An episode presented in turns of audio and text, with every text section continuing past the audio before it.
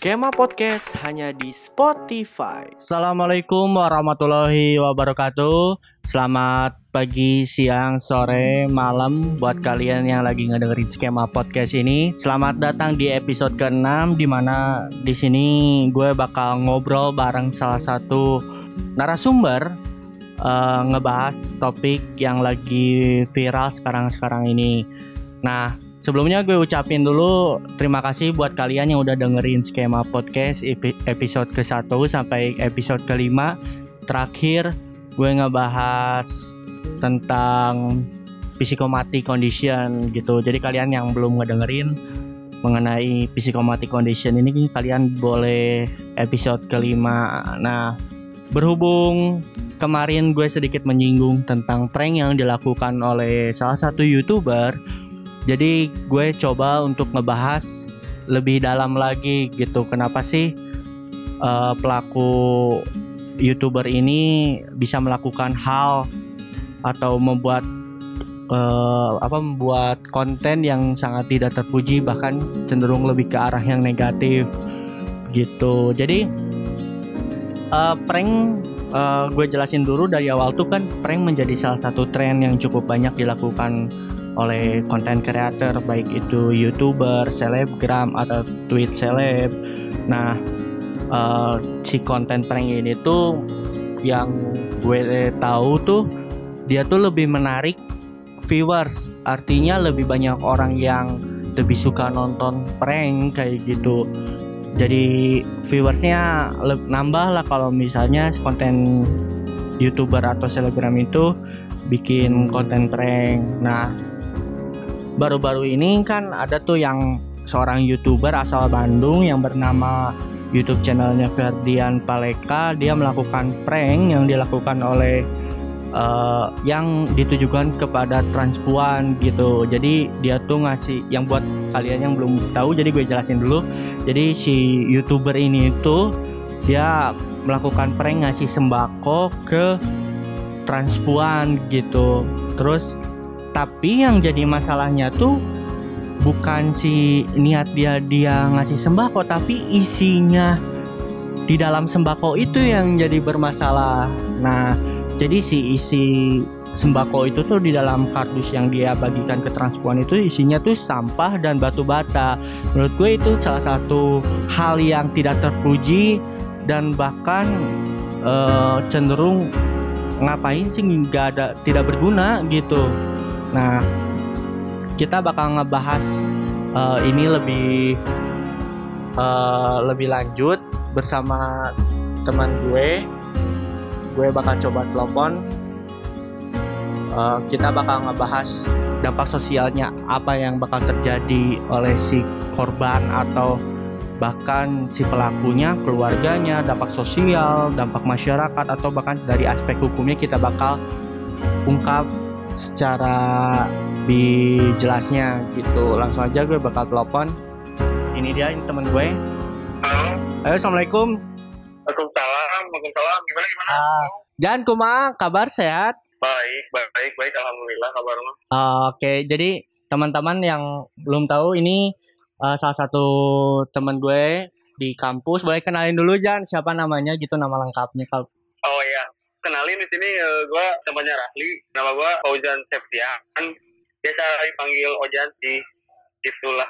Teman kampus nah jadi kita berdua tuh salah satu mahasiswa di salah satu kampus di Unpas mahasiswa Fakultas Hukum semester 6 ya Jen ya semester 6 menuju semester 7 nah, mau masuk semester 7 puasa aman puasa puasa enjoy lah dinikmatin masih gak ada belum ada bolong-bolong ya belum dong, tentunya belum. Karena di rumah aja. Anjay. Tapi berhubung corona ini jadi kegiatan biasanya dilakuin rutinitas di bulan Ramadan jadi agak terganggu Jan ya? Nah ya itu tuh jadi kayak nggak kayak bulan Ramadan biasanya, nggak kayak tahun-tahun sebelumnya lah gitu. Ya, yang bener biasanya kita selalu ada agenda kan kalau misalnya bulan Ramadan kayak seperti buka bersama ataupun bagi-bagi takjil, bagi-bagi kebaikan lah pokoknya tentang bulan puasa itu. Nah, Benar banget. Seperti juga kayak apa itu sholat tarawih oh. gitu. karena kan nggak bisa gitu iya karena kan udah nggak boleh juga kita melaksanakan tarawih di masjid gitu Jan ya nah ya karena untuk mencegah Ah, bener. Momen apa sih Jan yang lu kangenin gitu di setiap bulan Ramadannya gitu? Momen-momen yang Hah? Bukber yang Bukber ya. Bukber yang bisa sebulan tuh kadang cuman buka di rumahnya tuh hanya beberapa kali sisanya buka bersama sama nah, teman-teman. Bukber banyak banyak bukbernya di luar dibanding buka bersama keluarga yang ada di rumah. Iya benar banget. Nah terus gini Jan, uh, tadi kan gue sudah opening gitu ngebahas tentang kemarin kan disinggung di episode kelima di mana uh, masa corona terus ditambah bulan puasa tuh ada aja kelakuan-kelakuan netizen-netizen yang aneh gitu Jan. Termasuk kasusnya youtuber itu yang dari Bandung itu Jan. Tahu kan yang prank, prank sampah. Yang prank sampah bener banget. Hmm. menurut lo gimana sih Jan? Menurut pendapat gitu dari kita ngebahasnya sebelum ke aspek hukumnya kita ngebahas secara ya. awalnya dulu gitu. Uh, sosial berarti ya bisa dikatakan ya benar banget. Ya ya anjir. Pas dapat tahu lah tahu infonya itu kan dari explore IG ya. Ya. aja lagi scroll scroll gitu. Uh -uh. anjir apaan ini anjing yeah. prank sampah pasti lihat udah waktu dulu masih ada YouTube-nya tuh masih ada di video YouTube-nya. Uh gue langsung cross check kan ya langsung langsung ke YouTube-nya langsung lihat. Kata anjir. Geram bro. Asli. Geram geram asli. Asli. Ya meskipun gini aja. meskipun prank sam uh, prank yang dilakukan oleh konten creator baik dari youtuber selebgram hmm. atau twitch seleb itu kan emang viewersnya tuh uh, lebih dapat lah daripada konten konten lainnya gitu. Jadi lebih tertarik viewer-viewer tuh ngeliat prank. Tapi yang dilakuin si nah, youtuber ini tuh gak masuk akal banget asli bro. Ya jadi kayak ambil kesempatan di saat pandemi ini kan uh, orang tuh butuhnya hiburan lah hiburan ya. Ah. kita ambil contohnya hiburan tuh dibanding dengan TV itu mungkin lebih berkembang. Yeah. karena channelnya lebih bervariatif. Yeah. nah di saat ada seperti ini kondisi yang seperti ini dia membuat Just konten bro. konten yang konten menarik menarik menarik ini menarik masyarakat su pas dilihat edan gitu. Terus emang subscribernya uh, lu sempat uh, cari Ferdian Paleka itu siapa sih nggak sih Jan? Sempat sempat sempat sempat lihat dulu di YouTube-nya kan pertama. Subscribernya berapa tuh? Nama uh, subscribernya lumayan udah ratusan ribu. Oh lumayan juga ya. Dua ratus ribuan, ratus ribuan. Soalnya ada dua ada dua, ada oh. dua channel dia tuh. Oh, uh, bukannya salah yang satu itu udah di take down ya?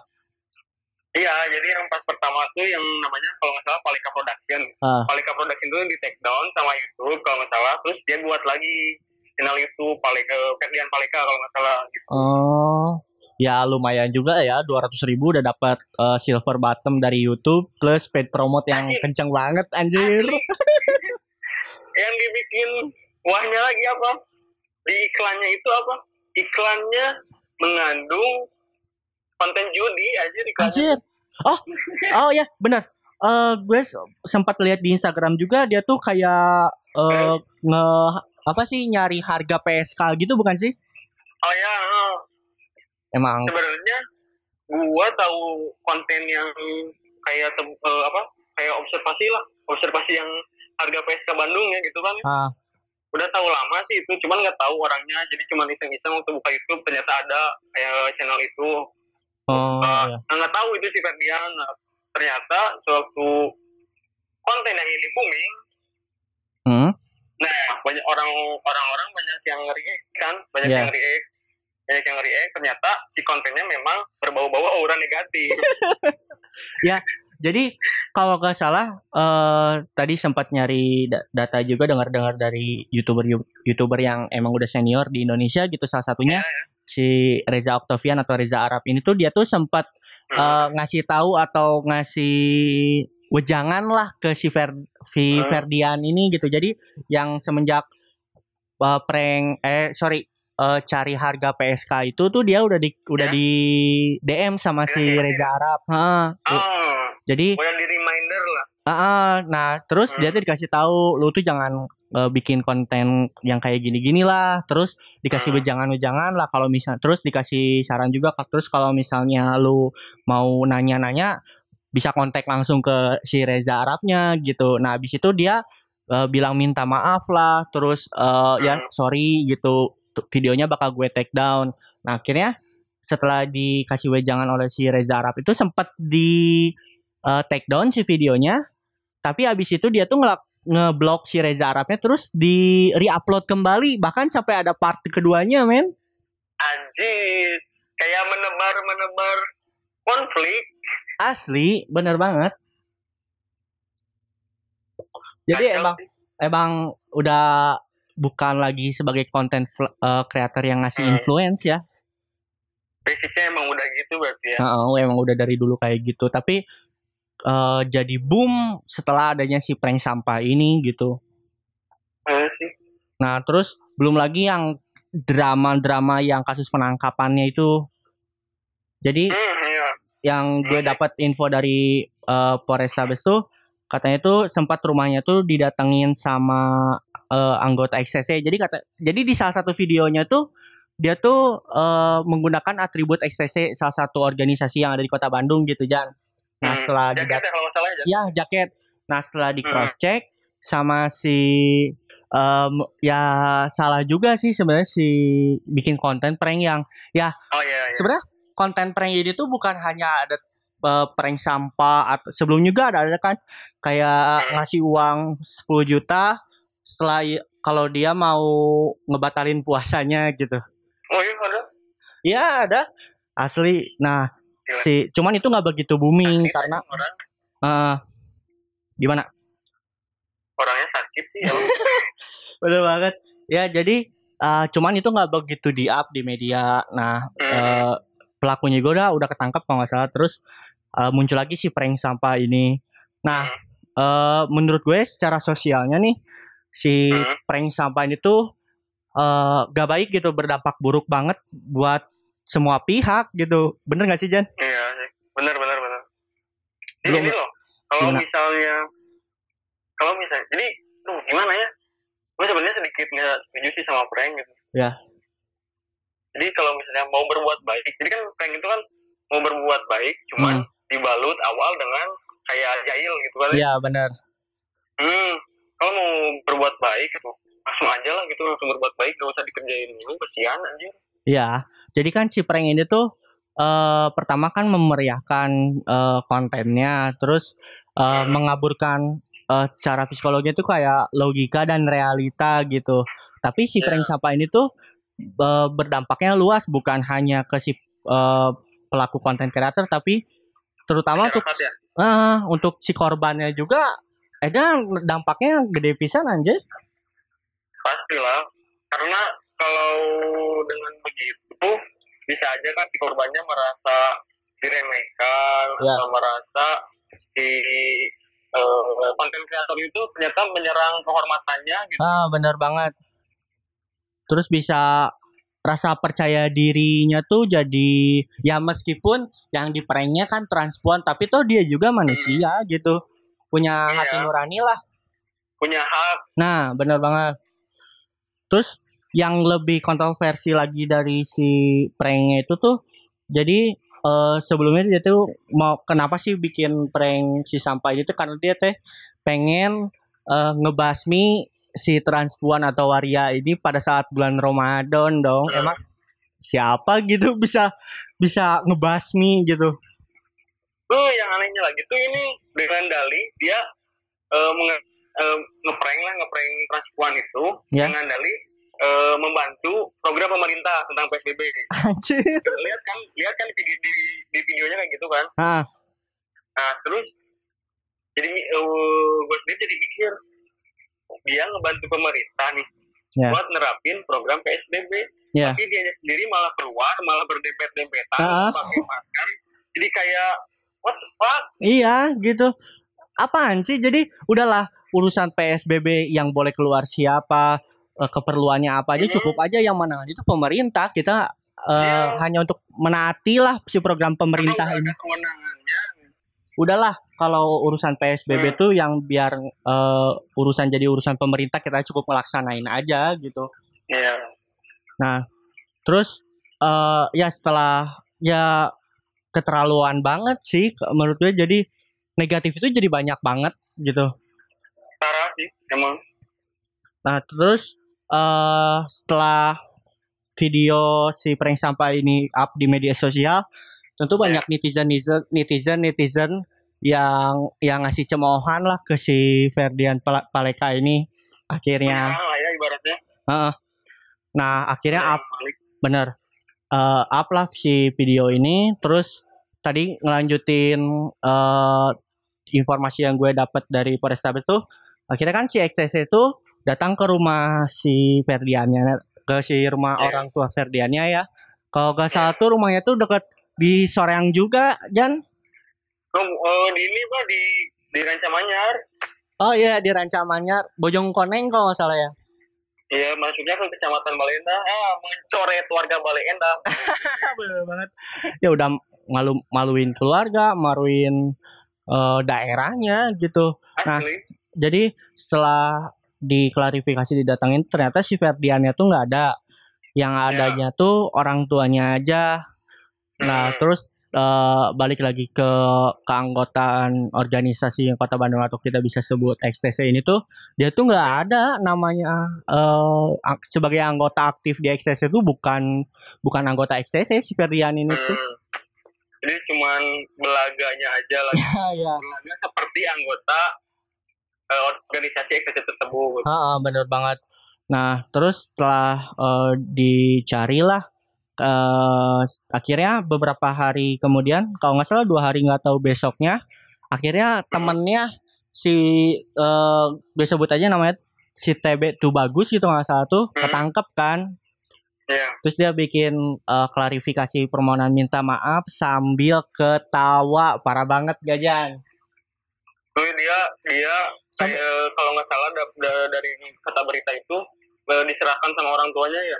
Nah, nah terus uh, setelah ditangkap akhirnya ditelusuri oleh pihak Polrestabes jadi sempat melakukan uh, checking atau uh, cari orang lah posisi Ferdian tuh di mana karena kan uh, awalnya keterangan dari pihak keluarganya terutama si ibu si oba, ibu pelakunya tuh kan nggak tahu si Ferdian tuh ada di mana. Nah akhirnya ditelusuri lah. Nah ada indikasi bahwa si orang tua Ferdian itu menyembunyikan si Ferdiannya Jan. Oh ya, terutama ayahnya ya. Ya, jadi uh, ditutup-tutupi lah keberadaan si Ferdian setelah sebelumnya. Dia tuh gue nonton fresh converse di Polrestabes. Katanya dia tuh sempat sembunyi di Orchid Lembang Lembang tuh di Orchid eh Orchid tuh di Lembang ya? Lembang tuh di Orchid di Bali di Lembang Lembang daerah Lembang, nah dia sempat uh, bersembunyi di situ terus ada juga uh, apa sih salah satu netizen yang ngasih info bahwa dia tuh check in di salah satu apartemen gitu tapi hmm. setelah diinfokan ternyata udah uh, kabur ke, ya. ya udah check out terus kabur lah karena mungkin ada uh, firasat bakal ketangkep. Nah, terus uh, akhirnya setelah beberapa dua hari setelah berita penangkapan si TB ini tuh akhirnya dia ketangkap juga di tol tol yang mau ke Banten tuh apa ya? Siapa tuh? Si Perdiannya kan akhirnya ketangkap di tol kan dia mau pergi mau kabur oh, iya, kan? Ini di Merak, di Merak. Ah. Nah, di Merak. Ah, ah, di Merak. Nah, akhirnya Tapi kan sebelumnya gini gini, Bang. Sebelumnya. Gimana? Uh, sebelumnya tuh kan uh, ada info ada hmm. yang melihat uh, keberadaan mobil Ferdian di Bogor. Oh iya. Di Cilengsi kalau nggak salah. Uh -uh. Nah, sewaktu kena nih sama polisi, ya. ternyata mobilnya itu dipakai oleh ayahnya. Mm -hmm. Jadi di dalamnya tuh bukan si Ferdiannya tapi orang tuanya kan? Hmm, jadi kayak ibaratnya kalau misalnya kita ber apa ya, beranalogi lah ya. Iya. Kita beranalogi di saat mobil Ferdian dipakai oleh orang tuanya dan ternyata itu udah beradanya di luar kota. Iya. Masuk akal nggak sih kalau misalnya orang tuanya itu tuh emang ternyata e, bawa kabur si Ferdiannya biar nggak biar nggak ketahuan. Iya sih. Huh. Kayak gitu tuh. Jadi si peran orang tuanya itu tidak kooperatif. Kooperatif ya. Tidak kooperatif loh. Nah, benar. Malah membawa kabur dan menyumput-nyumputi apa ya? Bukan menyumput-nyumputi ya? Ya, menghalangi menutupi lah. Nah, ya menutup-nutupi pelaku kejahatan hmm. dan bisa diduga juga uh, berkomplotan ya. Jadi dia ikut serta juga kan? Iya, itu sih. Nah, terus uh, balik lagi kita lebih rinci ke masalah sosiologisnya selain nanti kita bahas aspek hukumnya dampak apa hmm. sih Jan menurut lo yang bakal didapetin uh, si Ferdian uh, bagi uh, apa dampak sosialnya gitu ya bakal dia tuh bakal kenapa gitu menurut lo gimana Jan? Kalau menurut gue pribadi sih yang udah kelihatan ya sekarang hmm. yang udah terlihat sekarang tuh dari dia udah mulai dikucilkan gitu. Iya pastilah udah ada sanksi sosial yang tegas lah gitu yang nyata yeah. yang konkret yeah. udah sanksi sosial yang konkret seperti dia langsung disudutkan yeah. Didiskriminasikan yeah. diasingkan uh. dengan karena si uh, perbuatannya di konten tersebut gitu. yeah. nah terus kalau misalnya dari dirinya si Ferdian ini sendiri dia pasti merasa down mental pasti. Ya pasti. Secara psikis juga pasti bakal terganggu ya. Hmm, terganggu pasti sih itu. Belum lagi Gimana? Mm-hmm. Gimana gimana? karena kan karena kan sudah ada reaksi nih yang timbul dari masyarakat. Mm-hmm. Ternyata kayak e, masyarakat e, menimbulkan reaksi ketidaksukaan pada yeah. kerjaan sendiri. Uh. Nah, setelah dia mengetahui dan menyadari untuk merasakannya, ya pasti mentalnya pasti down gitu. Pasti. Belum lagi pasti berdampak juga uh, kepada ibu atau bapak pelaku ya yang secara uh, alamiah hmm. membesarkan si Ferdian pasti ada rasa malu lah kenapa sih anak gue tuh ngelakuin hal bodoh seperti itu gitu tidak disangka lah ibaratnya. Nah, benar.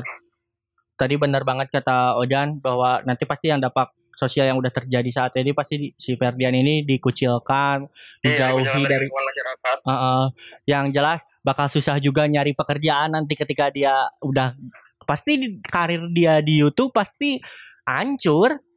Anjlok sih langsung. Pasti itu.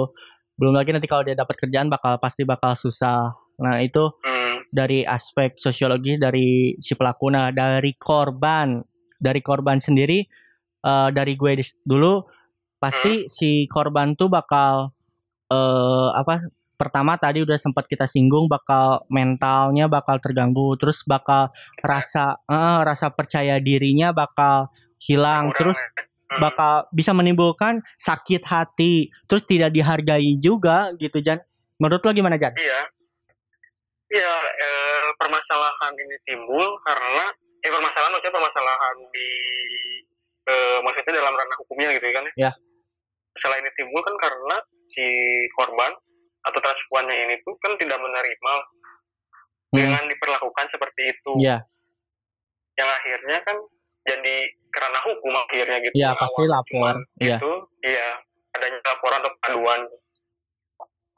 Nah terus belum lagi dampak ke masyarakatnya nanti bakal kemungkinan bakal ada yang miru gitu aja menurut gue bakal itu kan ditonton sama anak-anak ditonton uh, sama bukan hanya orang dewasa aja pasti anak-anak juga yeah. bakal pasti tahu lah atau nonton. Nah bisa aja yeah. ditiru juga gitu hal negatif. Makanya peran orang tua ini di sini sangat uh, penting. Uh, sangat penting. Ya sangat uh, membantu gitu sih dari aspek sosiologisnya. Nah kabar terbarunya dari setelah tertangkap uh, udah aja nih si Ferdian tuh jadi uh, masih jadi tersangka. Ya masih tersangka ya, ya Jan? Nah dia ya, tuh jadi tahanan ya jadi tahanan di Polrestabes. Nah dia tuh uh, didakwa dengan pas eh di apa sih di masuk ke pasal 51 ya. uh, undang-undang ITE pasal 51 hmm. Uh, nah gue bacain pasal 51 tuh setiap orang dengan sengaja dan tanpa hak mendistribusikan dan atau mentransmisikan dan atau membuat diaksesnya informasi elektronik dan atau dokumen elektronik yang memiliki muatan yang melanggar kesusilaan, dia yeah. diancam 12 tahun uh, penjara atau denda paling banyak 12 miliar. Nah, kita masuk udah mulai masuk nih dikit-dikit ke aspek hukumnya. menurut okay. menurut uh, Pak Uja nih tepat nggak sih polisi memasukkan pasal undang-undang ITE ini? Kalau menurut gua sih ya tepat lah karena gini uh, kan ini termasuknya uh, penghinaan gitu kan ya? Ya. Penghinaan dia mau menyerang kehormatan nama baik seseorang hmm. dengan tindakan seperti itunya. Nah sini uh, penghinaan itu uh, kan dilakukannya dengan wadah uh, sosial media. Ya YouTube itu sendiri. Sosial media YouTube. Nah, uh. Maka emang patut atau emang sebenarnya pas lah gitu untuk dijerat dengan undang-undang ITE karena kenapa? Karena kalau misalnya kan di KUHP itu sendiri juga kan ada tentang penghinaan. Ya. Di pasal 310 kalau nggak salah pasal 310 tentang penghinaan itu baik secara tertulis ataupun tidak tertulis. Okay. Namun kita tidak bisa mengacu pada uh, eh, KUHP saja ya. karena ini ranahnya ranahnya ranah media elektronik. Hmm. Media elektronik maka uh, emang sepatutnya diberi dijerat atau dijerat pasal UITE sih pasal 51 itu ya berarti ya. Ya, pasal 51 hmm. uh, tentang uh, apa sih mentransmisi mentransmisikan uh, asusila mendistribusikan ya. Uh, ya. atau mendistribusikan uh, suatu keasusilaan lah gitu. Ya. Nah, nah, nah, nah, nah, jadi kita halo, halo, halo, halo. Nah, jadi bentar. Nah, jadi kita bedah nih, Yon. Tadi setelah hmm. pasal setiap uh, pertama dari kata kalimat pertama tuh setiap orang dengan sengaja dan tanpa hak mendistribusikan. Berarti setiap orang itu si Ferdian itu sendiri ya. Yeah. Kita sepakat bahwa setiap orang yang uh, dimaksud di sini si Ferdian terus mentransmisikan atau diaksesnya hmm. informasi elektronik. Artinya dia membuat konten si prank sampah ini terus dia diupload ke uh, ya, ke YouTube channelnya uh, eh, yeah. baik uh, nah terus yang memiliki muatan melanggar kesusilaan. Nah, menurut lo kesusilaannya tuh dari sudut pandang uh, mananya Jan? Kalau menurut gua sih asusилanya itu sendiri uh, mungkin bisa dikategorikan kepada pada saat si Ferdian ini melakukan aksinya, hmm? yang kan bertemu dengan perempuan ya. Ya jadi ibaratnya dia me, apa ya? I, ibaratnya merendahkan merendahkan, merendahkan si martabat dari transpuan itu sendiri. Ya oke oh, oke. Okay, okay. mungkin itu masuk ke asusilanya gitu. Jadi semua unsurnya masuk nih Jan secara hukum ya berarti tepat uh, ya, polisi uh, memasukkan pasal undang-undang ITE ini. Karena semua unsur hmm. sudah terpenuhi uh, oleh ya. si Ferdian. Nah Uh, terus dia berarti dia masuk ke pasal berlapis dong selain dari tadi KUHP ditambah undang-undang ITE gitu ya? Enggak, kalau KUHP pasti nggak akan masuk, bang. Oh, karena nggak ada media medianya mungkin ya? Ya karena kan kalau kontennya eh, konten lagi, kalau masuknya ranah ke media elektronik mungkin lebih tepatnya langsung ke UID-nya aja. Hmm, oke okay, oke. Okay. Jadi uh, hukumannya itu 12 tahun penjara maksimal dan ya?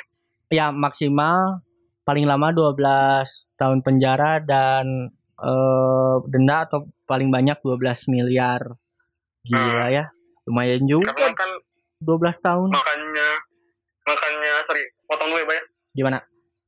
Nah, makanya kan makanya di polisi atau menetapkan menjerat Ferdian dengan pasal UITE ini karena kan kan ini ada KUHP dan UU ITE ini ya. ada KUHP dan UU ITE di mana pasti diambilnya itu kan ada di hukum kan ada ini apa asas lex spesialis kan ya oh, oke okay. hmm, ada lex, lex spesialis drogat dan generalis uh. di mana uh, ketentuan yang umum eh ketentuan khusus mengesampingkan ketentuan yang umum ya jadi makanya ini lebih tepat UITE sih gitu. Oke, okay. jadi buat teman-teman pendengar yang belum tahu lex spesialis derogat legi generalis itu artinya secara uh, awamnya bahwa meskipun ada undang-undang yang mengatur secara yeah. umum tapi selagi itu ada undang-undang yang lebih eksplisit mengarah ke si suatu perbuatan tindak pidana itu itulah undang-undang atau hukum yang dipakai begitu nah, teman-teman. Nah, ya begitu. Nah, uh, jadi fiksi pasal 51 undang-undang ITE. Nah, terus uh, nah dari si uh, pelaku selain tadi si Ferdian kan ada juga si Tubagus alias TB Terus ya. si A inisialnya A, dia pasti ikut masuk ke uh, ikut serta melakukan tindak kejahatan ya Jan ya. Iya. Jadi buat teman-teman kenapa yang bak, uh, barangkali belum tahu kenapa si TB dan si A itu masuk ke dalam uh, jerat hukum juga karena si TB dan si A itu ikut membantu terla Nah, benar. Jadi terlaksananya si video itu, jadi dia ikut ngebantu. Jadi kalau dalam bahasa hmm. hukum itu ikut serta. Iya, ikut serta. Ya, meskipun hukumannya pasti uh, berbeda dengan si Ferdian sendiri gitu. Oh, iya. Pasti ada eh, ketentuan yang lebih mengaturnya kalau masalah di KUHP itu kalau Iya, itu pasti uh, ke KUHP larinya nanti gitu. Nah, terus setelah ditangkap nih Jan, dia katanya di ini juga di apa sih? Dibully juga di penjara. hmm, itu tapi cukup ironi gitu. ya gimana ya? Sebenarnya hmm, kalau dari menurut gue sendiri nih ya, hukuman hmm. sosial yang dia dapat dan hmm. hukuman secara undang-undang atau secara negara yang dia dapat itu menurut gue sudah cukup uh, sudah cukup ah sudah cukup uh, udah cukup lah gitu nggak uh, usah lagi dibully di penjara gitu tapi ya karena itu kayaknya udah hukum di penjara atau di lapas sih. Eh jadinya di mana setiap lapas atau setiap kamar yang dihuni itu pasti ada uh, leadernya lah ada alpanya. Ya kan? Jadi sebut RT lah. Ya oh, jadi oh, ketua RT istilahnya ketua RT atau ketua gengnya lah di kamar itu ketua gitu. himanya. Kita mah mahasiswa. Nah ya jadi pasti dia uh, kayak kalau bahasa mahasiswa tuh di ospek lah gitu Jan. Iya. Nah yang perpeloncoan. Nah perpeloncoan dia disuruh ditelanjangi hanya pakai celana dalam aja terus disuruh push up disuruh squat jam dimasukin ke tong sampah. Di mana sebelum ke situ uh, gue pengen ini dulu apa nge, nge baik uh, putar dulu ke belakang ke sebelumnya nih ya. Gimana? Uh, misalnya kan banyak nih uh, warganet lah. Ya. Netizen yang belum tahu nih. Gimana? kenapa sih dengan prank ini bisa sampai ke jalur hukum? Hmm. ya, kalau menurut kalau menurut gue pribadi sih kayak gini. Jadi kan ini maksudnya ke penghinaan gitu ya? Ya. Penghinaan. Jadi eh, penghinaan itu maksudnya ke delik aduan. Oke. Okay. nah penghinaan masuk ke delik aduan kenapa? Karena eh, kalau misalnya si penghinaan ini si korban merasa tidak terancam atau tidak merasa gimana gimana santai aja okay. dia pasti nggak akan melapor kan ya iya nah berbanding terbalik jika korban itu melapor kepada pihak yang berwajib ya. ngadu, e, melakukan pengaduan maka itu pasti langsung diproses secara hukum oleh e, pihak kepolisian okay. yang di mana pada sebelumnya itu kan melakukan cross check itu yang tadi kata Rahli ke rumahnya yeah. Nah karena itu ada dasar ada dasar delik aduan dari korban yang merasa uh, apa kehormatannya terganggu. Oke, okay. ya merasa dirugikan lah ya. Gitu. Iya merasa dirugikan karena gitu. Oke, okay. jadi buat teman-teman sekali lagi gue bakal ngejelasin apa sih yang dimaksud dengan delik aduan itu. Jadi uh, delik aduan itu kalau secara umumnya uh, suatu perbuatan, misalnya kayak gini, ada suatu kejahatan nih, terus uh, kayak pencurian, penghinaan kayak gitu otomatis harus si korban sendiri harus melapor kepada pihak berwajib sehingga proses hukumnya tuh bisa terlaksana, bisa dilaksanakan. Nah, itu namanya delik nah, iya, iya. aduan. Jadi harus ada yang mengadu lah. Nah, baru bisa diproses hukum. Ya, Jan. Uh, pertanyaan selanjutnya nih, kalau misalnya si kan ini hmm. prosesnya delik aduan kan? Iya. Nah, mungkin ada beberapa si selain Sperdian ini yang hmm? klarifik setelah dia melakukan klarifikasi proses hukumnya selesai udah we nggak ada hmm. kelanjutannya lagi nah kalau yeah. dilihat dari sudut pandang pidana khususnya ke delik aduan apakah yeah. ketika si korban sudah membuat laporan dia hmm. si pelakunya minta maaf pada si korban si korban ada dalam tanda petik kesepakatan oleh orang tuanya untuk mencabut uh, laporannya nanti di, dia dia dikasih uh, uang misalnya berapa juta tapi harus dengan syarat secara musyawarah berarti ya nah, secara kekeluargaan nah apakah dia bisa dikatakan uh, proses hukumnya terhenti atau gimana Jan? Ini sih kalau misalnya kan delik aduan itu bisa dicabut ya, yeah. kata Rahim bilang, nah. delik aduan bisa dicabut uh, oleh si korban yang melapor. Oke. Okay. Nah, uh, kalau misalnya delik aduannya ini dicabut nih, ya. Yeah. Delik aduan dicabut karena ada itikat baik dari si Ferdian sendiri. Oke. Okay mau klarifikasi, mau secara kekeluargaan saja gitu misalnya selesaikannya. Oke. Okay. Tidak usah masuk ke ranah hukum lebih luas lagi, misalnya masuk ke pengadilan seperti sekarang dia masih uh, ada di tahanan kan ya? Ya di Polrestabes. Di tahanan di Polrestabes kan ya? Ya. Kalau sebelumnya dia ada klarifikasi tidak seperti tidak seperti sebelumnya yang mengumpat dia pindah-pindah kota. Ya. Nah kalau misalnya dia langsung ada klarifikasi saja ke korban mungkin bisa dicabut itu uh, delik aduannya. Oh oke. Okay.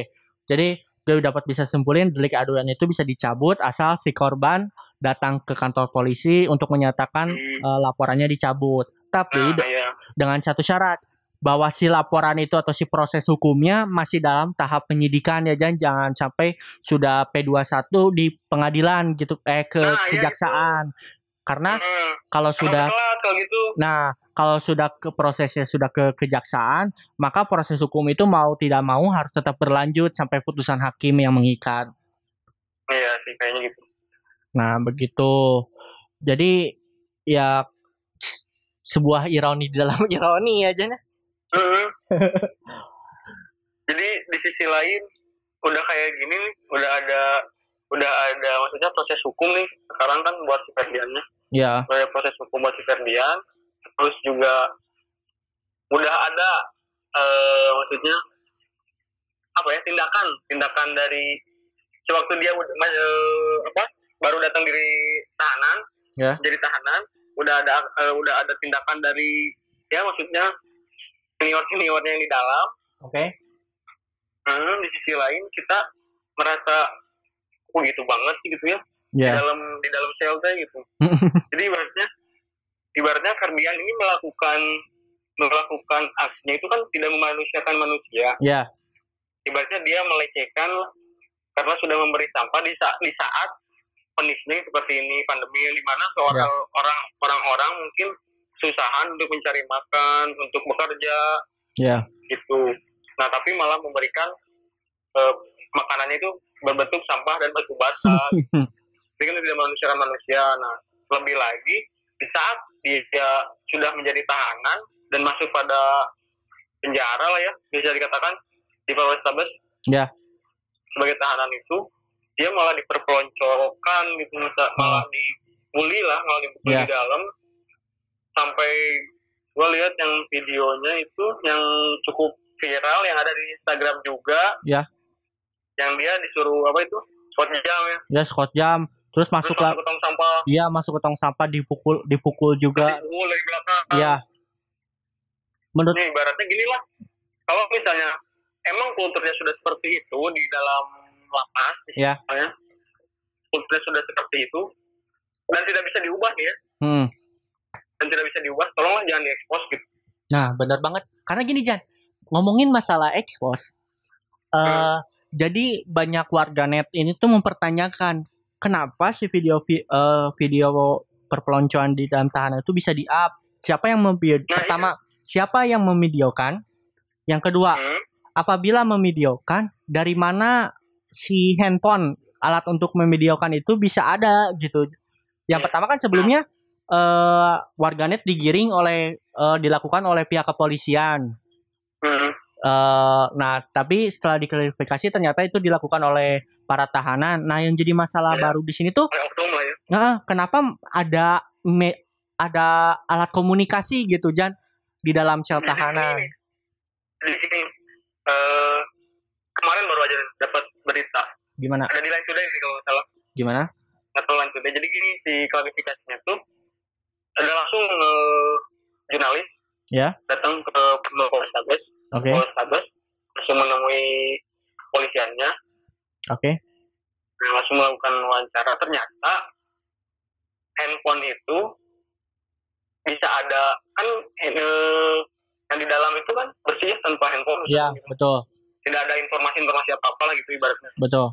Nah, kenapa handphone itu bisa ada karena gini yang pertama katanya di waktu di Polrestabes itu ada jam besuk kan ya waktu itu sebelumnya ya ada jam besuk nah uh, ada uh, indika, terindikasi mungkin bisa diindikasikan si handphone tersebut itu bisa masuk lewat uh, ini mengirim makanan lewat jam oh, itu. Jadi diseludupkan gitu si handphonenya iya. gitu kan ya? Maka dari itu langsung Polrestabes untuk saat ini tidak ada jam besuk. Nah, oke. Okay. Sekarang oke okay lah si handphone itu diseludupkan nih Jan. Hmm. Nah, yang mas yang tidak masuk ke akal kedua, masa sih pada saat kegiatan perpeloncoan itu terjadi tidak ada polisi yang melerai gitu Jan? Hmm. Kenapa gitu bisa terjadi? Ya kan? Hmm, ya. Ya. Hmm, jadi gimana? Ibaratnya penjaga lapasnya lah ke mana gitu. Ya penjaga tahanannya ke mana gitu saat perpeloncoan hmm. itu terjadi. Itu istilahnya itu tuh kandangnya polisi lah. Kenapa? Di kandang polisi aja masih ada kejadian seperti uh, itu. uh, uh, seperti itu gitu. Itu sangat disayangkan banget sih menurut uh, gue gitu Jan. Hmm. Aduh nggak tahu lah. Bawa bawa polisi mah eh apa ya? Takut takut diciduk juga. Ya gitulah. Mungkin kita bukan uh, buka aja. ya mungkin lagi udah pada nggak ada atau udah pada pulang benar uh, yang tiket pun misalnya lagi kontrol ke mana gitu kan ya, Jadi benar. tidak ter tidak terkontrol secara baik di ya. saat TP, TKP itu ya jadi di sini juga kenapa kita bisa kita ngebahas per, uh, istilahnya uh, pola kehidupan di lapas atau di tahanan juga karena.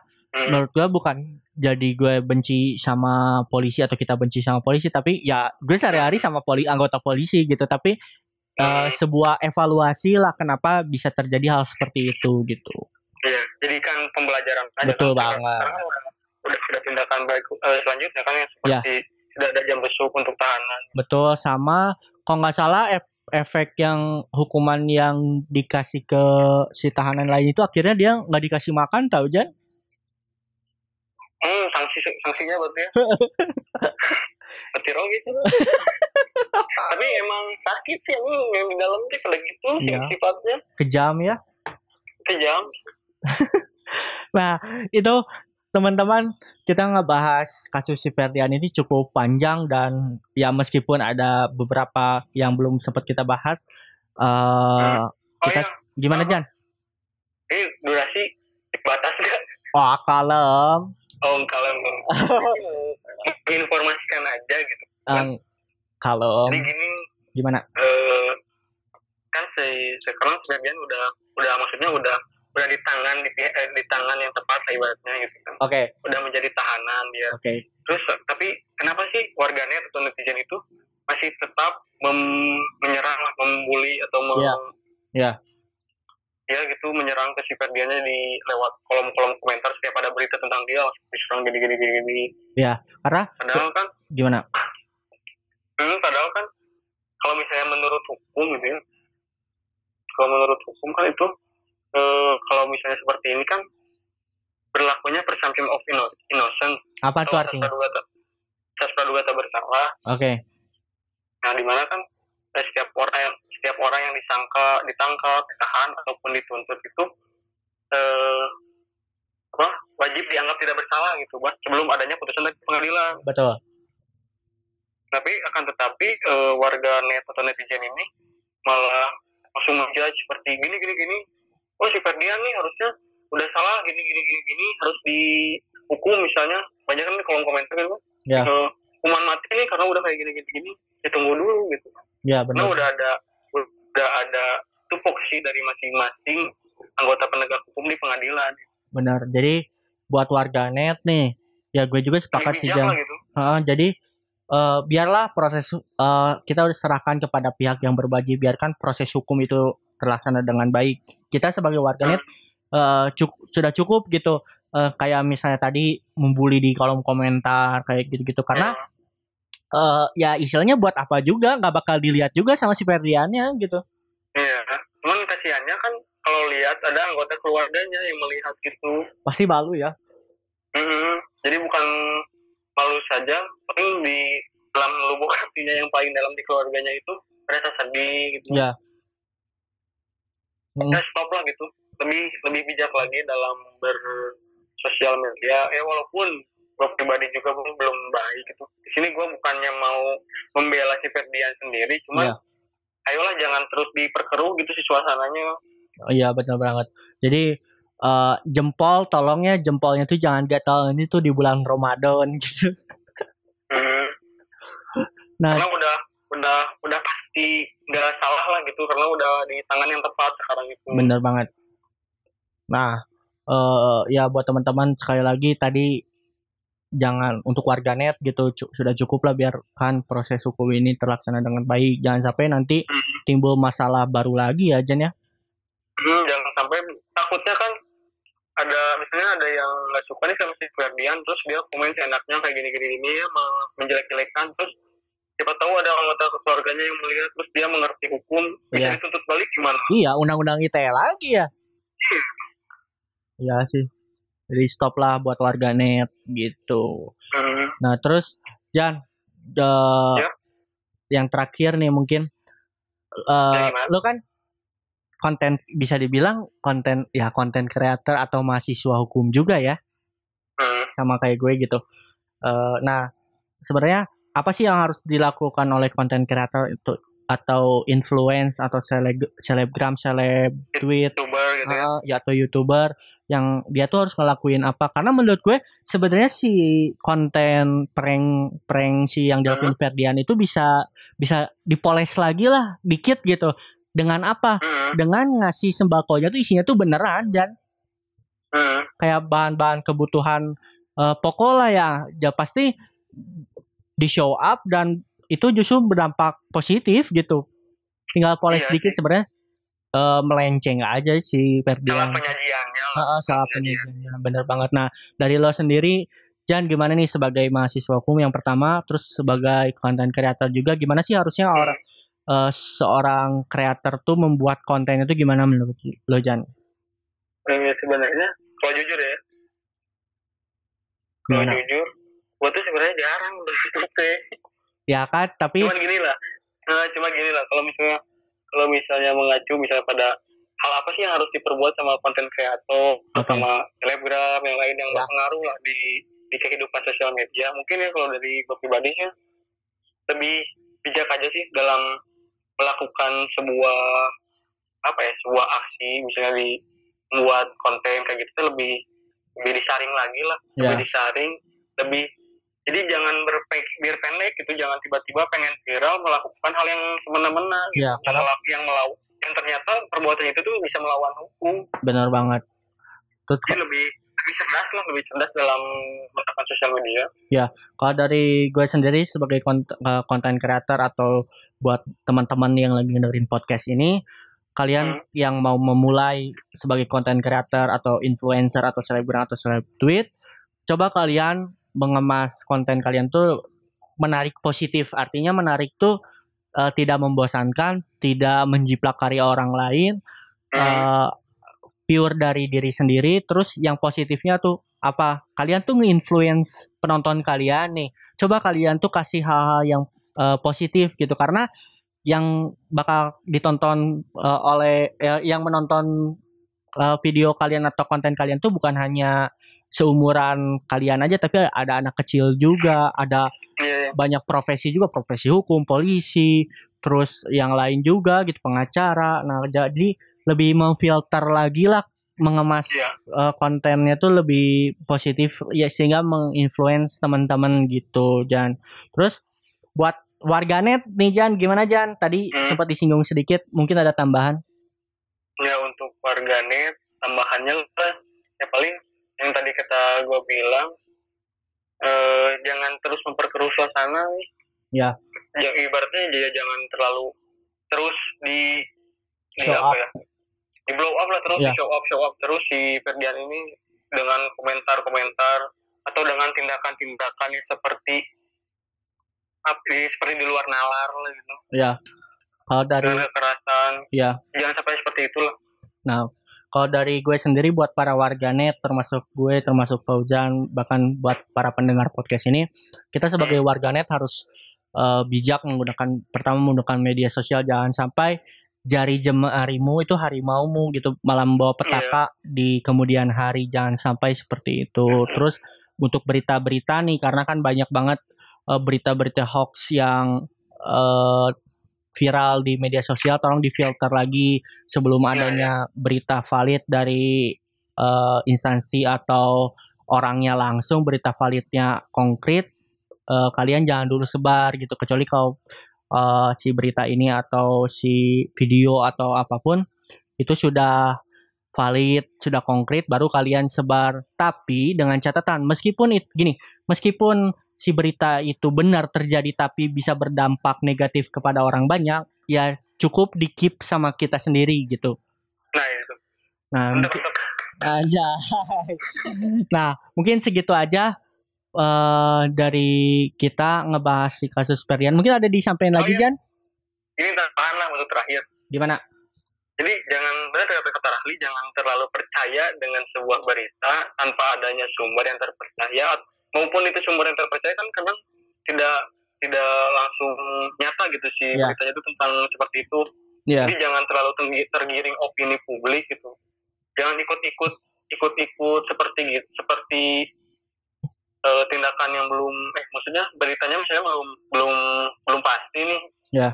tapi jangan jangan ikut-ikutan malah menggiring opini itu seakan-akan jadi pasti gitu nah benar banget karena banyak banget ya jangan eh, kasus-kasus seperti itu hmm, karena suka banyak.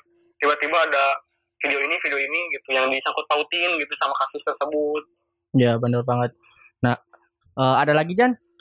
Cukup lah itu aja paling. Nah uh, sebelumnya gue ucapin terima kasih Pak Jan udah ke collab atau hadir di uh, skema podcast episode ke-6 dengan tema ngobrol bareng. Uh, mungkin bareng. lah ada ini Jan uh, sosial media? Bisa ada sosial media. Oh, yang betul. nama Instagram, nama Instagram. Instagram, oh Instagram at pergi dekat aja. At pergi dekat. Jadi buat teman-teman yang lagi ngedengerin podcast, kalian penasaran sama siapa sih Fauzan ini, kalian boleh follow Instagramnya di at pergi dekat. Pergi underscore eh pergi lupa lagi pergi i-nya tiga kalau nggak salah. Ah pergi i-nya tiga atau dua tambahin Dekatnya dekat. Nah, itu jadi teman-teman boleh follow Instagramnya Kepoin langsung ke Instagramnya Fauzan. Sekali lagi gue ucapin thank you banget Fauzan udah gabung di ya, skema podcast dengan tema ngobrol bareng ini. Sharing-sharing. Ya, jangan kapok ya. Hmm, Nanti, bah. Cuma mau minta aja, Pak. Apa? Gimana? Minta maaf aja kalau misalnya ada salah-salah kata atau misalnya ada kekurangan atau misalnya oh ini bukan kayak gini nih sebenarnya gitu. Oh, Maaf okay. ya karena di sini masih pembelajaran lah. Oke, okay, ya. menyampaikan opini aja yang yang gue dapat seperti itu gitu. Oke, okay, ya. Jadi teman-teman mohon maaf bila mana ada kita ke, kami kekurangan informasi yang hmm. belum kami dapat. Teman-teman boleh bantu nanti di kolom komentar yang uh, gue post di Instagram. Kalian hmm, teman-teman boleh kurang kurang lengkap apa kurang kurang akurat dan kurang lengkap ini teori hukumnya. Nah, oke. Okay. Gitu. Ya, teman-teman boleh ya uh, gue tunggu di kolom komentar kita diskusi bareng kita bahas yeah. lebih pastinya kayak gimana gitu Jan hmm. sekali lagi sekali lagi Jan gue ucapin terima kasih ya jangan kapok-kapok semoga sehat selalu jalan amin, iba amin, ibadah amin. puasanya lancar selalu diterima oleh Allah Subhanahu Wa Taala sehat-sehat bareng keluarga thank you banget amin. sekali lagi Jan makasih juga Oke, okay, assalamualaikum warahmatullahi ya. wabarakatuh. Ya. Oke, okay, thank you itu dia episode 6 skema podcast dengan tema ngobrol bareng dengan topik hukuman bagi si pelaku prank sampah. Thank you banget buat kalian yang udah dengerin skema podcast. Jangan lupa share ke teman-teman kalian, dengerin sampai beres. Tadi udah sempat disinggung bahwa kita sebagai warganet harus lebih bijak lagi menggunakan uh, sosial media ini gitu. Mungkin segitu teman-teman. Terima kasih, thank you banget yang udah dengerin skema podcast. Gue Rahli pamit undur diri. Assalamualaikum warahmatullahi wabarakatuh.